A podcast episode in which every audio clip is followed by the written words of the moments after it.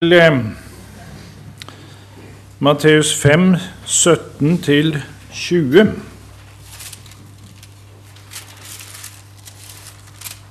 Matteus 5, 17 20. Dere må ikke tro at jeg er kommet for å oppheve loven eller profetene. Jeg er ikke kommet for å oppheve, men for å oppfylle.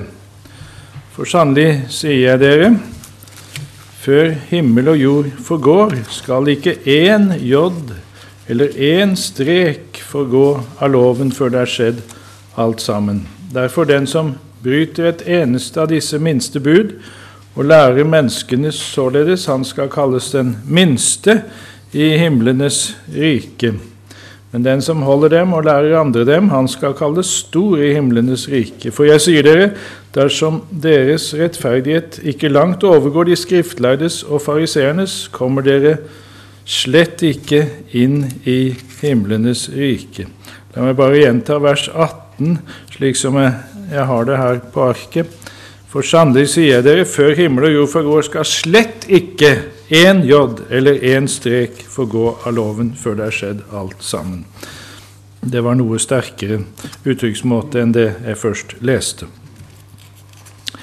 Dette avsnittet er en innledning da, til formaningene som følger, og formaningene illustrerer jo igjen hva Jesus mener med den rettferdigheten som langt overgår de skriftlærdes og fariseernes. Dere må ikke tro at jeg er kommet, sier han, for å oppheve loven eller profetene. Jeg er ikke kommet for å oppheve, men for å oppfylle. Dette kan vi se sammen med vers 16, hvor Jesus taler om de gode gjerninger som hans disipler skal gjøre, og som menneskene skal se. Jesus kom tidlig i konflikt med de skriftlærde og fariseerne. Det kunne for dem se ut som om han ville oppheve loven når han stilte seg fritt til deres tolkninger og tradisjoner, sånn som når det gjaldt sabbatsbudet. Men ikke bare det. Jesus tilga synder og lot mennesker uten noen slags fortjeneste komme inn i Guds rike. Den autoritet og frihet som Jesus opptrådte med, kunne nok noen feiltolke som et signal til et opprør mot Moseloven. Det avviser da Jesus. Med ettertrykk stadfester han loven og profetene. Han lærer oss å akte Det gamle testamentet som Guds ord. Vi kan ta med et par andre steder om dette. I eh, kapittel 19 hvor det er tale om eh, skilsmisse, så sier Jesus i vers 4, kapittel 19, vers 4, har dere ikke lest at Han som skapte dem fra begynnelsen av, skapte dem til mann og kvinne? Og så kommer det i vers 5, og sa Derfor skal mannen forlate far og mor og holde seg til sin hustru, og de to skal være ett kjød. Skaperen sa dette, som står som en slags kommentar i Første Mosebok 2. Og umiddelbart kan se ut som det er fortellerens kommentar. Nei, dette er skaperens ord, sier Jesus. Han taler gjennom Bibelen. Vi har kapittel 22, vers 43 og 44, hvor Jesus spør hvorledes kan da David i ånden kalle ham, altså Messias, Herre, når han sier 'Herren sa til min Herre', 'Sett deg ved min høyre hånd til jeg får lagt dine fiender under dine føtter'. David, eh, som eh, sier dette, han taler i ånden. Det er altså inspirert Skriften er inspirert. Og Derfor så sier også Jesus i Johannes 10, 35 Skriften kan ikke gjøres ugyldig. Det sier han i forbindelse med en bestemt språklig eiendommelighet i Salme 82, hvor mennesker kalles for guder, mennesker som Guds ord utgikk til. Og i, forbindelse, I forbindelse med den eiendommeligheten så sier Jesus altså Skriften kan ikke gjøres ugyldig. Johannes 10, 35. Jesus levde i det hele sitt jordeliv som lovtro jøde og lærte andre å akte loven. Vi kan se på Matteus 8, vers 4, hvor han eh, sender den som hadde vært spedalsk og blitt renset, til presten for å vise seg for presten etter, uh, etter Moselovens bestemmelse og bære fram offer etter Moseloven. Og vi kan se på kapittel 23, Matteus 23, hvor Jesus uh, faktisk i vers 3 sier om de skriftlærde og fariseerne som sitter på Moses stol, stol, at folk skal gjøre og holde alt det de byr. Men etter deres gjerninger skal dere ikke gjøre, for de sier det, men de gjør det ikke, står det. Um, og ser vi på vers 23 i det samme kapittel, Matteus 23, 23, så står det ved dere, dere skriftlærere og fariseere, dere hyklere, dere som gir tiende av mynte og anis og karve, og ikke enser det som veier tyngre i loven, rett og barmhjertighet og trofasthet. Dette burde gjøres. Men så kommer det og det andre ikke lates ugjort. Altså også tienden av den, den beskjedne tienden av mynte og anis og karve skal og bør betales. Eh, og Tar vi f.eks. Paulus, så poengterer jo han at han som kristen tror alt som er skrevet i loven og profeten, apostelgjerningene 24, 14. Så Det nye testamentet stadfester Det gamle testamentets inspirasjon og autoritet. Og det gjelder da også loven. Jesus er kommet. Vi har flere steder der Jesus, på samme måte som i vers 17 i Matteus 5, sier at han er ikke kommet for å F.eks.: Jeg er ikke kommet for å kalle rettferdige, men for å kalle syndere. Eh, flere steder hvor han på den måten presiserer hvorfor han er kommet. Jeg refererte nå til eh, kapittel 9, vers 13. For jeg er ikke kommet for å kalle rettferdige, men for å kalle syndere. Kan også vise til kapittel 10, vers 34 flere følgende, eller 2028 hvor han sier menneskesønnen er ikke kommet for å la seg tjene, men for selv å tjene og gi sitt liv til en løsepenge for mange. Det at Jesus er kommet, er et innholdsmettet uttrykk. Hans komme var forutsagt, forutsagt i Skriften, og nå er han her. Er du den som skal komme, eller skal vi vente en annen? lot Johannes spørre. Kapittel 11, vers 3. Og Jesus skiller altså mellom en falsk og en rett forståelse av hans komme. Ikke for å oppheve loven eller profetene, ikke for å oppheve, men for å oppfylle. Jødenes bibel, Det gamle testamentet, kan nevnes etter én eller flere av sine deler. F.eks. loven og profetene. Loven er i utgangspunktet Toraen, eller de fem Mosebøker. Profetene er og Det kan dere merke dere. Profetene er eh, ikke det samme som vi kaller profeten den og den. Men det er for det første følgende historiske bøker. Vel fordi de forteller om profeter, eller fordi de eh, har et profetisk budskap. Eh, det er Josva, dommerne, første og annen Samuels bok og første og annen kongebok. Josva, dommerne, første og annen Samuels bok og første og annen kongebok. Det som teologene kaller for det deutronomistiske historieverk. om noen har vært borti det. Så er det Jesaja, Jeremia og Esekiel, naturligvis. Men det er ikke Daniel, for Daniels bok regnes til Skriftene.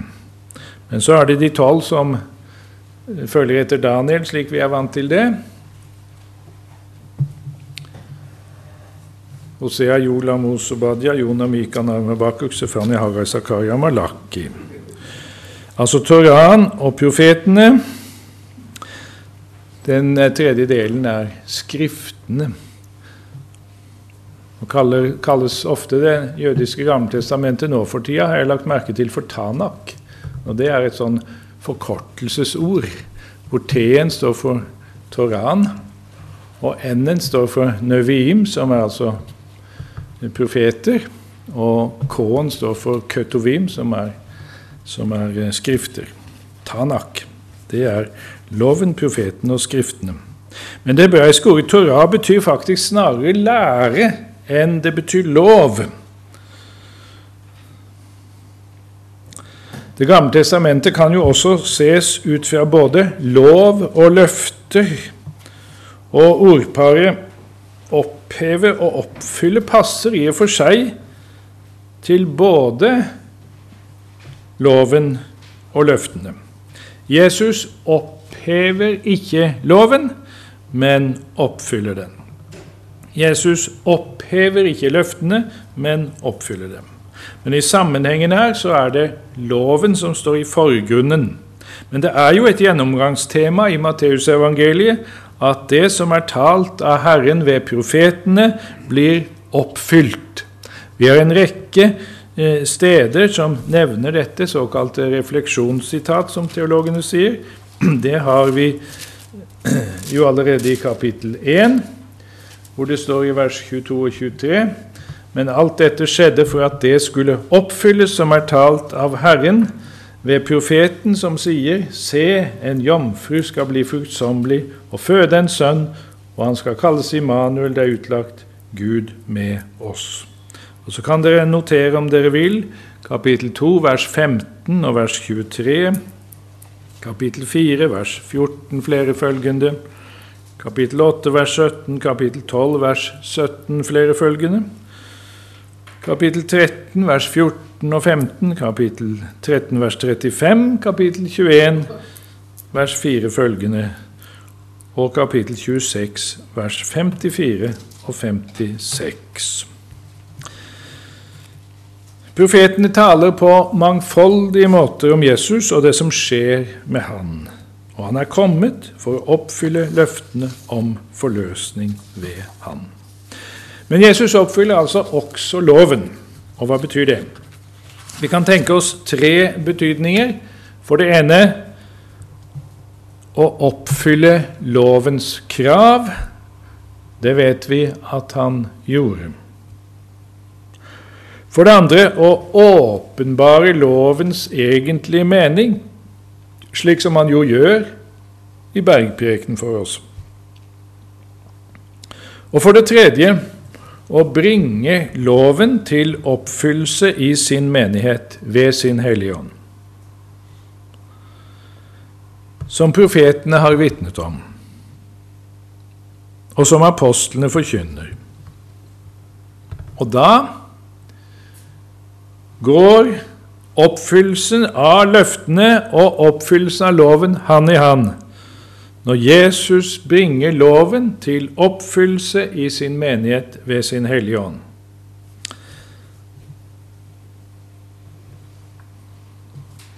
Og kjærligheten er lovens oppfyllelse, som Paulus sier i Romerne 13,10. Å oppfylle loven kan altså bety å oppfylle lovens krav og åpenbare lovens egentlige mening, eller å bringe loven til sann oppfyllelse i sin menighet ved sin Hellige Ånd. Det er mulig å tolke oppfyllelse av loven på alle tre måter samtidig. Jesus Kristus, Gud og mann, oppfyller løftene om Guds frelsesinngrep. Han sa jo til Johannes, som ville nekte å døpe han, La det nå skje, for slik sømmer det seg for oss å fullbyrde all rettferdighet. Hvordan bruker han der ordet rettferdighet, om ikke det nettopp står for Guds frelseshandling i troskap mot hans frelsesløfter? Eh, de skal oppfylles, og Jesus starter der i Jordan, så å si, på veien mot Golgata. Han oppfyller løftene om Guds frelsesinngrep og oppfyller kravene til mennesket. Og gudmennesket Jesus Kristus grunnlegger den nye pakt. Vi hørte fra Jesaja at han skulle være en pakt for folket. Så taler han om sitt blod som paktens blod, den nye pakt i hans blod. Matteus 26, 28. Og i denne nye pakt blir Den hellige ånd gitt til alle som blir Guds barn, slik profeten Joel har talt om det i Joel kapittel 3, om de siste tider, da Ånden skal bli utøst ikke bare over noen enkelte, men over alle Guds barn. Da blir loven rett forstått og skrevet i menneskers hjerter. Vi må ha to tekster fra Det gamle testamentet minst å se på nå. Og da starter vi med Jeremia 31. Jeremia 31, 31-34. Jeremia 31, 31-34. Se, dager kommer, sier Herren, da jeg vil opprette en ny pakt med Israels hus og med Judas hus. Ikke som den pakt jeg opprettet med deres fedre på den dag da jeg tok dem ved hånden for å føre dem ut av Egyptens land, den pakt med meg som de brøt enda jeg var deres ektemann, sier Herren. Men dette er den pakt jeg vil opprette med Israels hus etter de dager, sier Herren. Jeg vil gi min lov i deres sinn og skrive den i deres hjerte. Og jeg vil være deres Gud, og de skal være mitt folk. Og de skal ikke mer lære hver sin neste og hver sin bror og si 'Kjenn Herren'. For de skal alle kjenne meg, både små og store, sier Herren. For jeg vil forlate deres misgjerning og ikke mer komme deres synd i hu. Her ser vi hos profeten denne nære forbindelse i den nye pakt mellom syndenes forlatelse og det nye livet hvor loven er skrevet i sinn og hjerte. Dette taler også Esekiel om i Esekiel. Vi slår opp kapittel 36 og ser på vers 26 og 27. Der sier Herren, 'Jeg vil gi dere et nytt hjerte, og en ny ånd vil jeg gi inni dere.' Og jeg vil, og jeg vil ta bort steinhjertet av deres kjød, eller kjøtt, og gi dere et kjøtthjerte. Min ånd vil jeg gi inneni dere, og jeg vil gjøre at dere følger mine bud og holder mine lover og gjør etter dem. Esekiel 36, 26 og 27. Kjødhjerte, kjøtthjerte, står her for det myke, det nyskapte hjertet.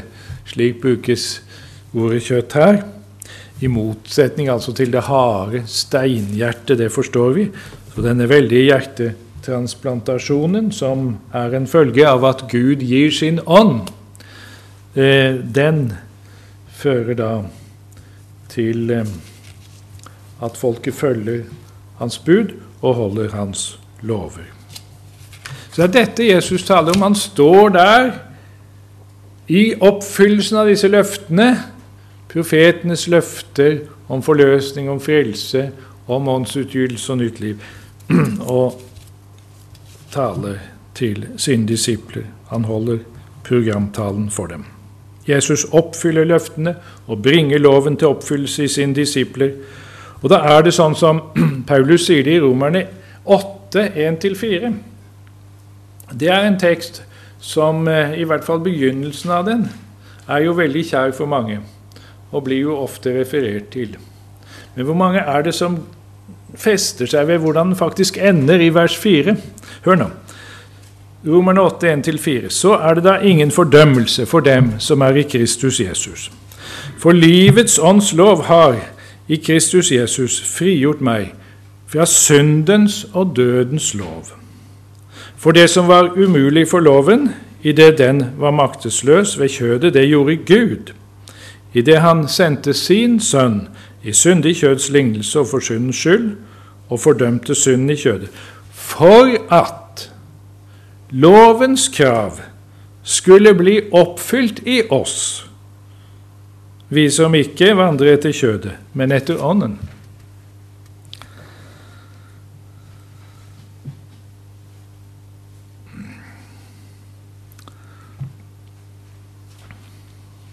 Lovens krav skulle bli oppfylt i de kristne. Men har da ikke Jesus opphevet loven? Sier ikke Det nye testamentet det flere steder, vil noen kanskje spørre. Ja, hva skal vi si til det? Jesus for det ene løser loven ut av de skriftlærdes tradisjon men han løser den også begynnelsesvis fra det tidsbegrensede i Moseloven. Samtidig som Jesus før sin døde oppstandelse levde innenfor rammen av den gamle pakt, så forberedte han den nye. Han polemiserer mot fariseernes lovtolkning det kan vi se i Bergprekenen, det kan vi se i kapittel 15, det kan vi se i kapittel 23. Men hvilket forhold har en kristen egentlig til loven? Svaret på det finnes mellom to ytterpunkter. Det ene ytterpunktet vil være å se på alle bud og formaninger i hele Skriften, fra først til sist, som like forpliktende. At det ikke holder stikk, kan vi se av at apostelmøtet i Jerusalem, veiledet av Den hellige ånd, avviste kravet om at hedningene måtte bli omskåret og holde Moseloven. Apostelgjerningene 15. Det andre ytterpunktet vil være å se på alle konkrete bud og formaninger som unødvendige fordi vi har det dobbelte kjærlighetsbudet. Og Det synes jo å være en tendens i mye liberal teologi i dag. Men det holder heller ikke, for i syndens verden har vi slett ikke alltid så lett for å vite hva kjærlighet er. Skriftens konkrete rettledning er selvsagt ikke overflødig. Kjærligheten er veien vi skal gå. Konkrete bud og formaninger er veivisere som vi skal følge. Livet som en kristen er den gylne middelvei mellom to villspor. Det ene villsporet er loviskheten, som oppfatter frelsen som lønn for å holde budene. Det andre er lovløsheten, som trøster seg med en død tro som ikke er virksom i kjærlighet. Guds lov vil alltid ha den dobbelte virkningen at den både viser hva Gud krever av oss, og avslører og anklager oss som syndere. Men en kristen er frelst til et nytt liv med nye muligheter til å gjøre Guds vilje. Jesus kom Ja, vi snakket om meningen med hans komme, og vi har to nøkkelord i begynnelsen av Matteusevangeliet. Han kom for å frelse sitt folk fra deres synder. Matteus 1,21. Og han kom for å døpe oss med Den hellige ånd. Matteus 3,11. Tilsynelatende er det en spenning innenfor Det nye testamentet sjøl når det gjelder forholdet til Moseloven. På den ene side sier altså Jesus i bergprekenen dere må ikke tro at jeg er kommet for å oppheve loven eller profeten. Jeg er ikke kommet for å oppheve, men for å oppfylle. For sannelig sier jeg dere, før himmel og jord forgår, skal slett ikke én jod eller én strek forgå av loven før det er skjedd alt sammen. Og på den annen side så skriver Paulus i Galaterbrevet 3, 23-25.: Men før troen kom, ble vi holdt i varetekt under loven, innestengt inntil den tro som skulle komme, ble åpenbart. Slik er loven blitt vår tuktemester til Kristus, for at vi skulle bli rettferdiggjort av tro. Men nå når troen er kommet, er vi ikke lenger under tuktemesteren. En nøkkel til vårt forhold til Moseloven har vi i Hebreerne 7, 12. Hebreerne 7, 12. For dersom prestedømmet blir omskiftet, da skjer det jo nødvendigvis også en omskiftelse av loven. Det nye testamentet løser Guds lov ut av Moselovens tidsbestemte skikkelse. Jesus har avskaffet den loven som kom med bud og forskrifter, og skilte jøder fra hedninger med disse bud og forskrifter. Efeserne 2,15. Men han har ikke dermed opphevet Guds lov. Det er altså ikke alt i Moseloven som er direkte aktuelt for oss. Til å skjelne mellom tidsbestemt og tidløst i Moseloven mener jeg at den gamle inndelingen mellom morallov, seremoniallov og borgerlige rettsregler er nyttig. Moseloven inneholder tre typer lover og bud. For det ene er det moralloven. Den gjelder fullt ut i den nye pakts tid.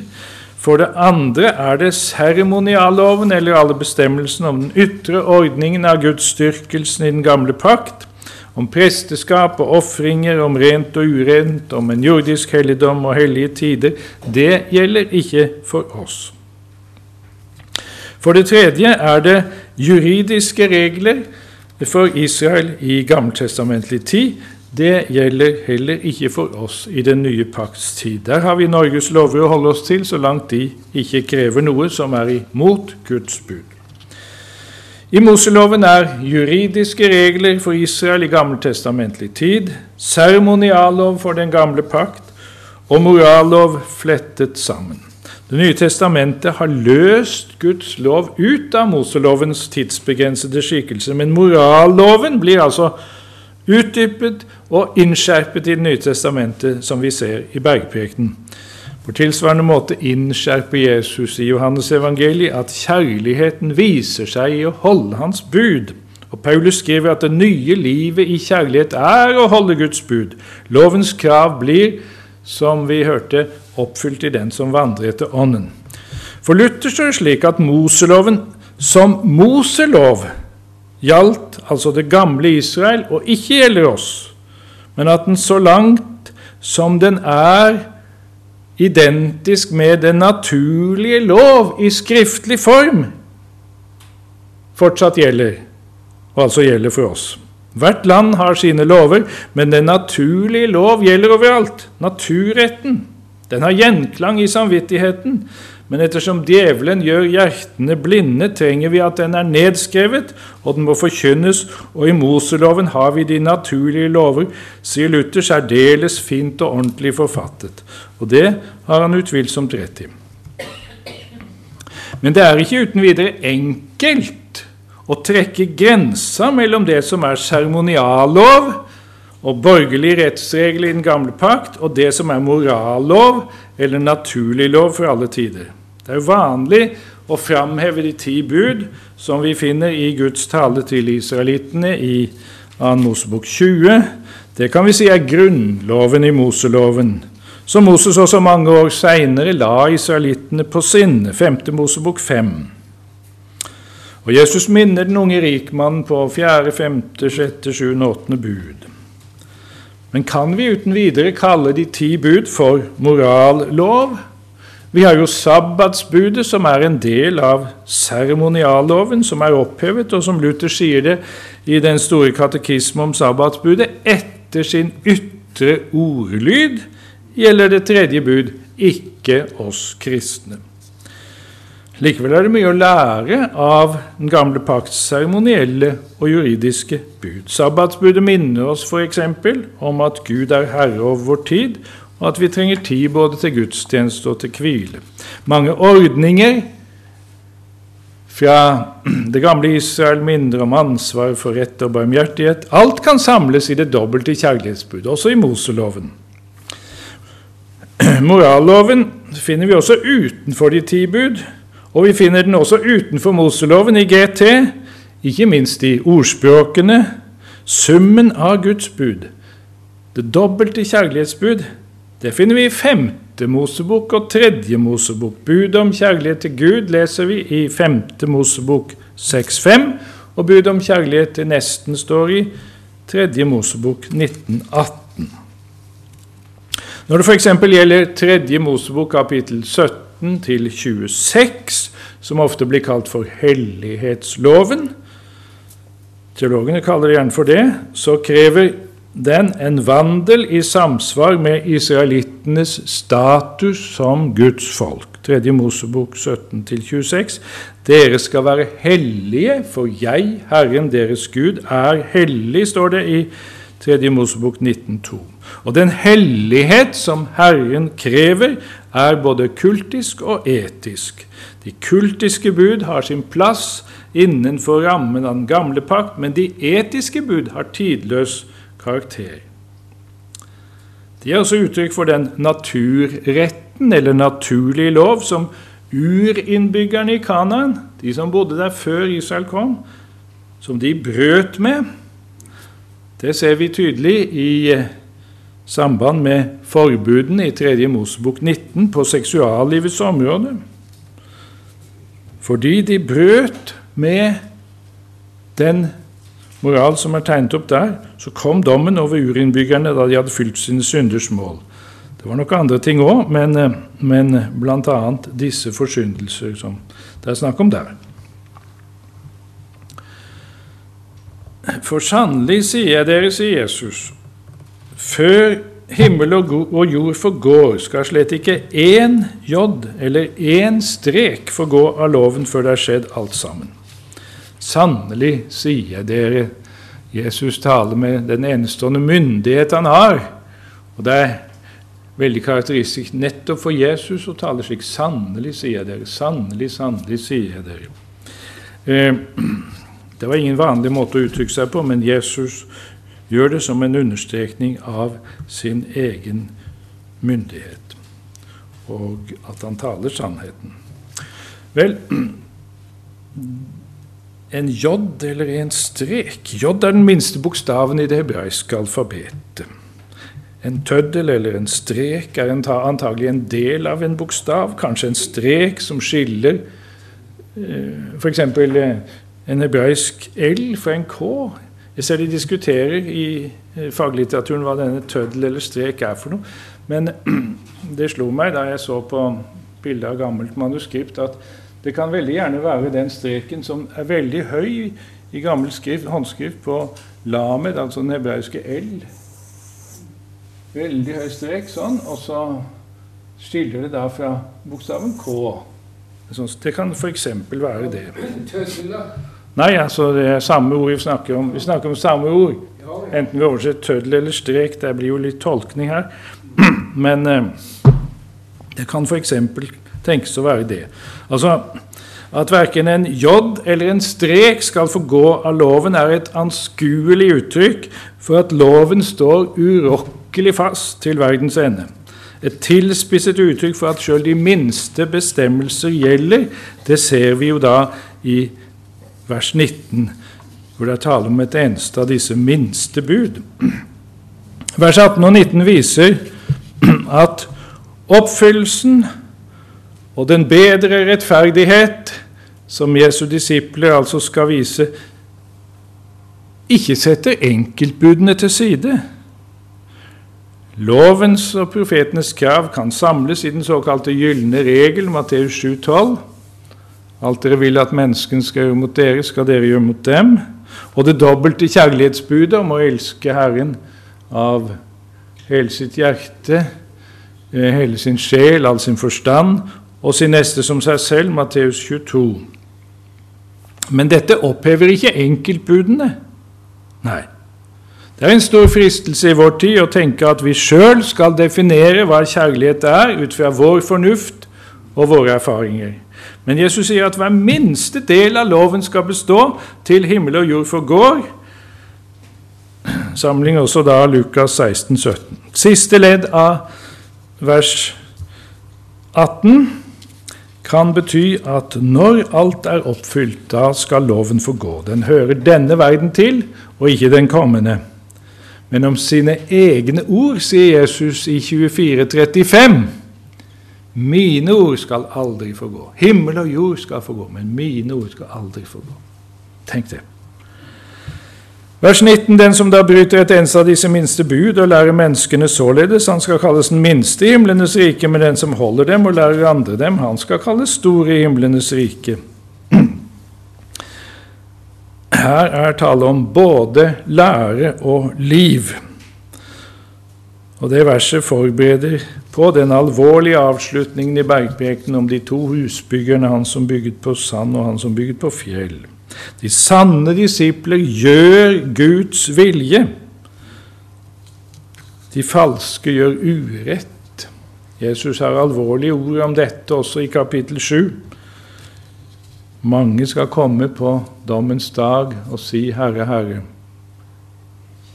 Og han skal si til mange 'Jeg kjenner dere ikke'. Jesu disipler skal jo i det hele lære menneskene, lære folkene, som det står i misjonsbefalingen kapittel 28, å holde alt det som han har befalt. Hva menes da med ethvert av disse minste bud? Er det bud i Moseloven, eller er det Jesu bud? Bud i bergprekenen, eller også ellers? Vel, saken er jo at det tydeligvis i utgangspunktet ikke er noen motsetning mellom Moseloven og Jesu bud. De fleste fortolkere ser det også ut til å mene at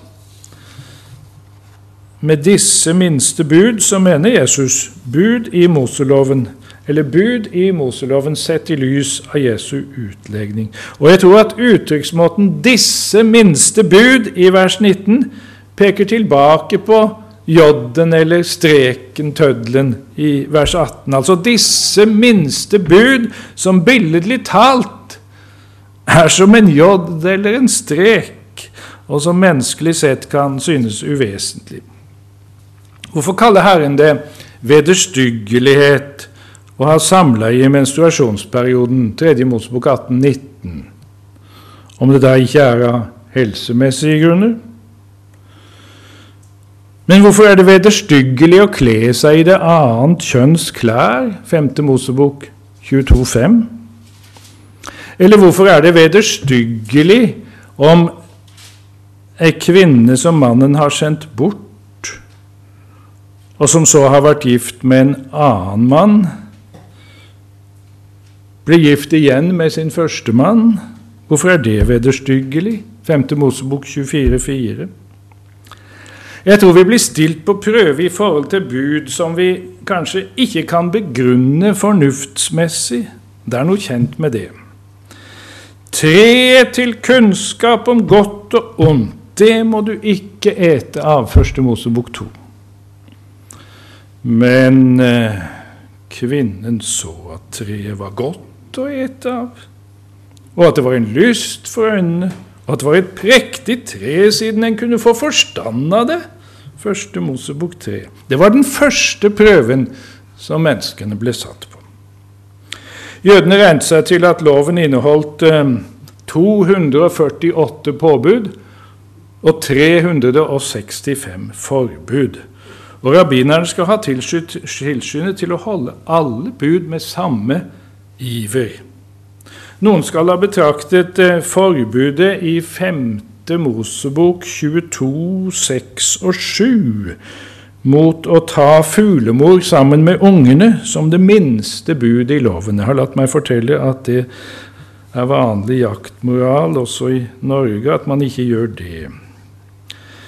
Men så kunne de altså i jødedommen da peke på at også til dette budet er det knyttet et løfte om å leve lenge. Akkurat som ved det sentrale budet om å hedre far og mor.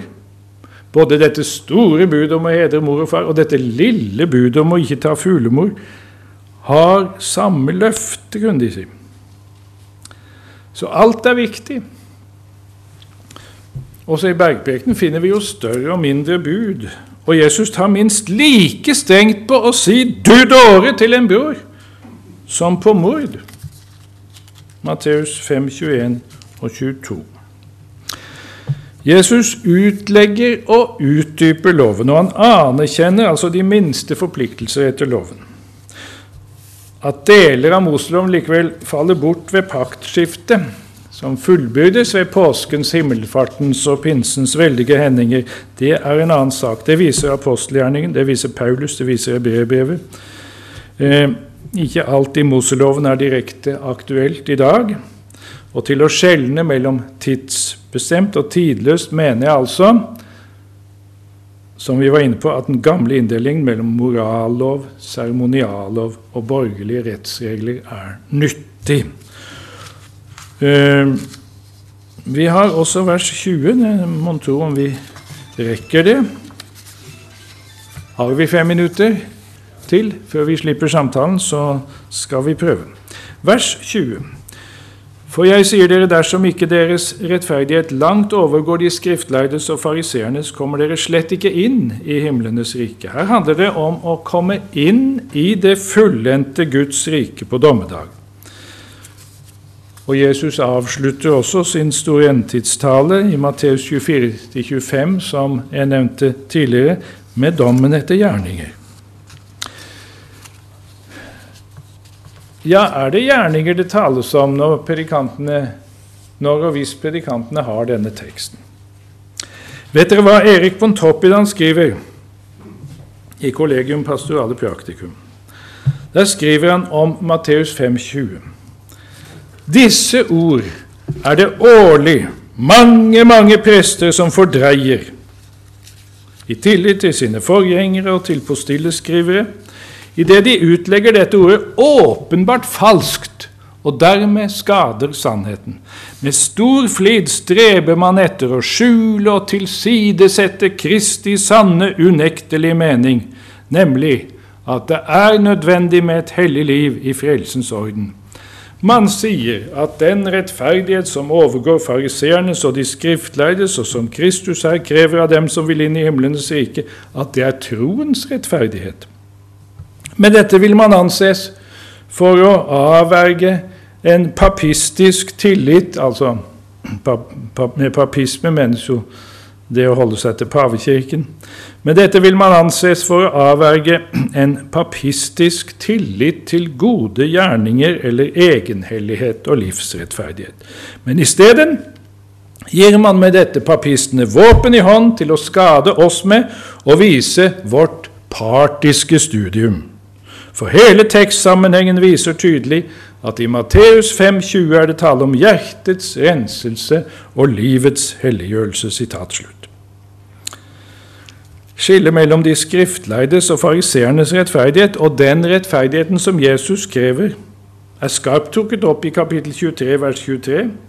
Ved dere, dere skriftlærde fariseere, vi siterte i stad, ikke sant? Dere hyklere, dere som gir tiende av mynte og anis og karve, og ikke enser det som veier tyngre i loven, rett og barmhjertighet og trofasthet. Dette burde gjøres, og det andre ikke lates ugjort. Det var ikke først og fremst det var ikke først og fremst lydigheten mot de minste bud det skortet på, for fariseerne lærte ikke bare at en skulle holde disse bud, men det var også dem de først og fremst holdt, sier en fortolker. Så må heller ikke disiplene unnlate å holde dem, men Jesus krever mer. Som fortsettelsen av bergprekene viser, så utdyper Jesus budene i loven og retter søkelyset mot hjerte og sinnelag. Jesus taler ikke her om at troens rettferdighet overgår de skriftlærdes og fariseernes gjerningsrettferdighet, men han taler om at hans sanne disiplers livsrettferdighet overgår de skriftlærdes og fariseernes livsrettferdighet. Jesus utvidet de bud som fariseeren begrenset, og han begrenset de tillatelser som fariseerne utvidet, som en tolker sier. Den bedre rettferdigheten er både en høyere etikk og et bedre liv. Men disiplene er syndere så lenge de lever i denne verden. Vi minnet om det, at vi hver dag må be 'forlate oss vår skyld'. Det er her spørsmålet om å komme inn i himlenes rike på den ytterste dag. Fariseismens vei er stengt, den fariseiske lovfromheten er ikke i samsvar med Guds vilje. Hjertene må omskjæres, som loven og profetene vitner om. Moses talte i 5. Mosebok 30 om frelsestida. Vers 6.: Herren din Gud, sier han, skal omskjære ditt hjerte og dine etterkommeres hjerte. Så du elsker Herren din Gud av alt ditt hjerte og all din sjel, og da skal du få leve.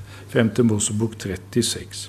Jesus lærer disiplene å be om gode gaver, og da særlig å be om Den hellige ånd, som det står i Lukas 11. Dersom dere vet å gi deres barn gode gaver, hvor meget mer skal ikke da den himmelske Far, gi Den hellige ånd til dem som ber Han. At Jesus frelser sitt folk fra deres synder, som engelen sa, kan ikke skilles fra at han døper med Den hellige ånd, som Johannes sa, kapittel 3, 11, og bringer loven til sann og rett oppfyllelse i disiplenes liv. Han vinner seg et folk som kjenner rettferdighet og har Herrens lov i sitt hjerte, som Jesaja sier, Jesaja 51, 7. Jesus er dermed, som Paulus sier, lovens ende. Men, men altså på denne måten er Jesus lovens ende, til rettferdighet for hver den som tror. Romerne 10, 4. Takk skal dere ha.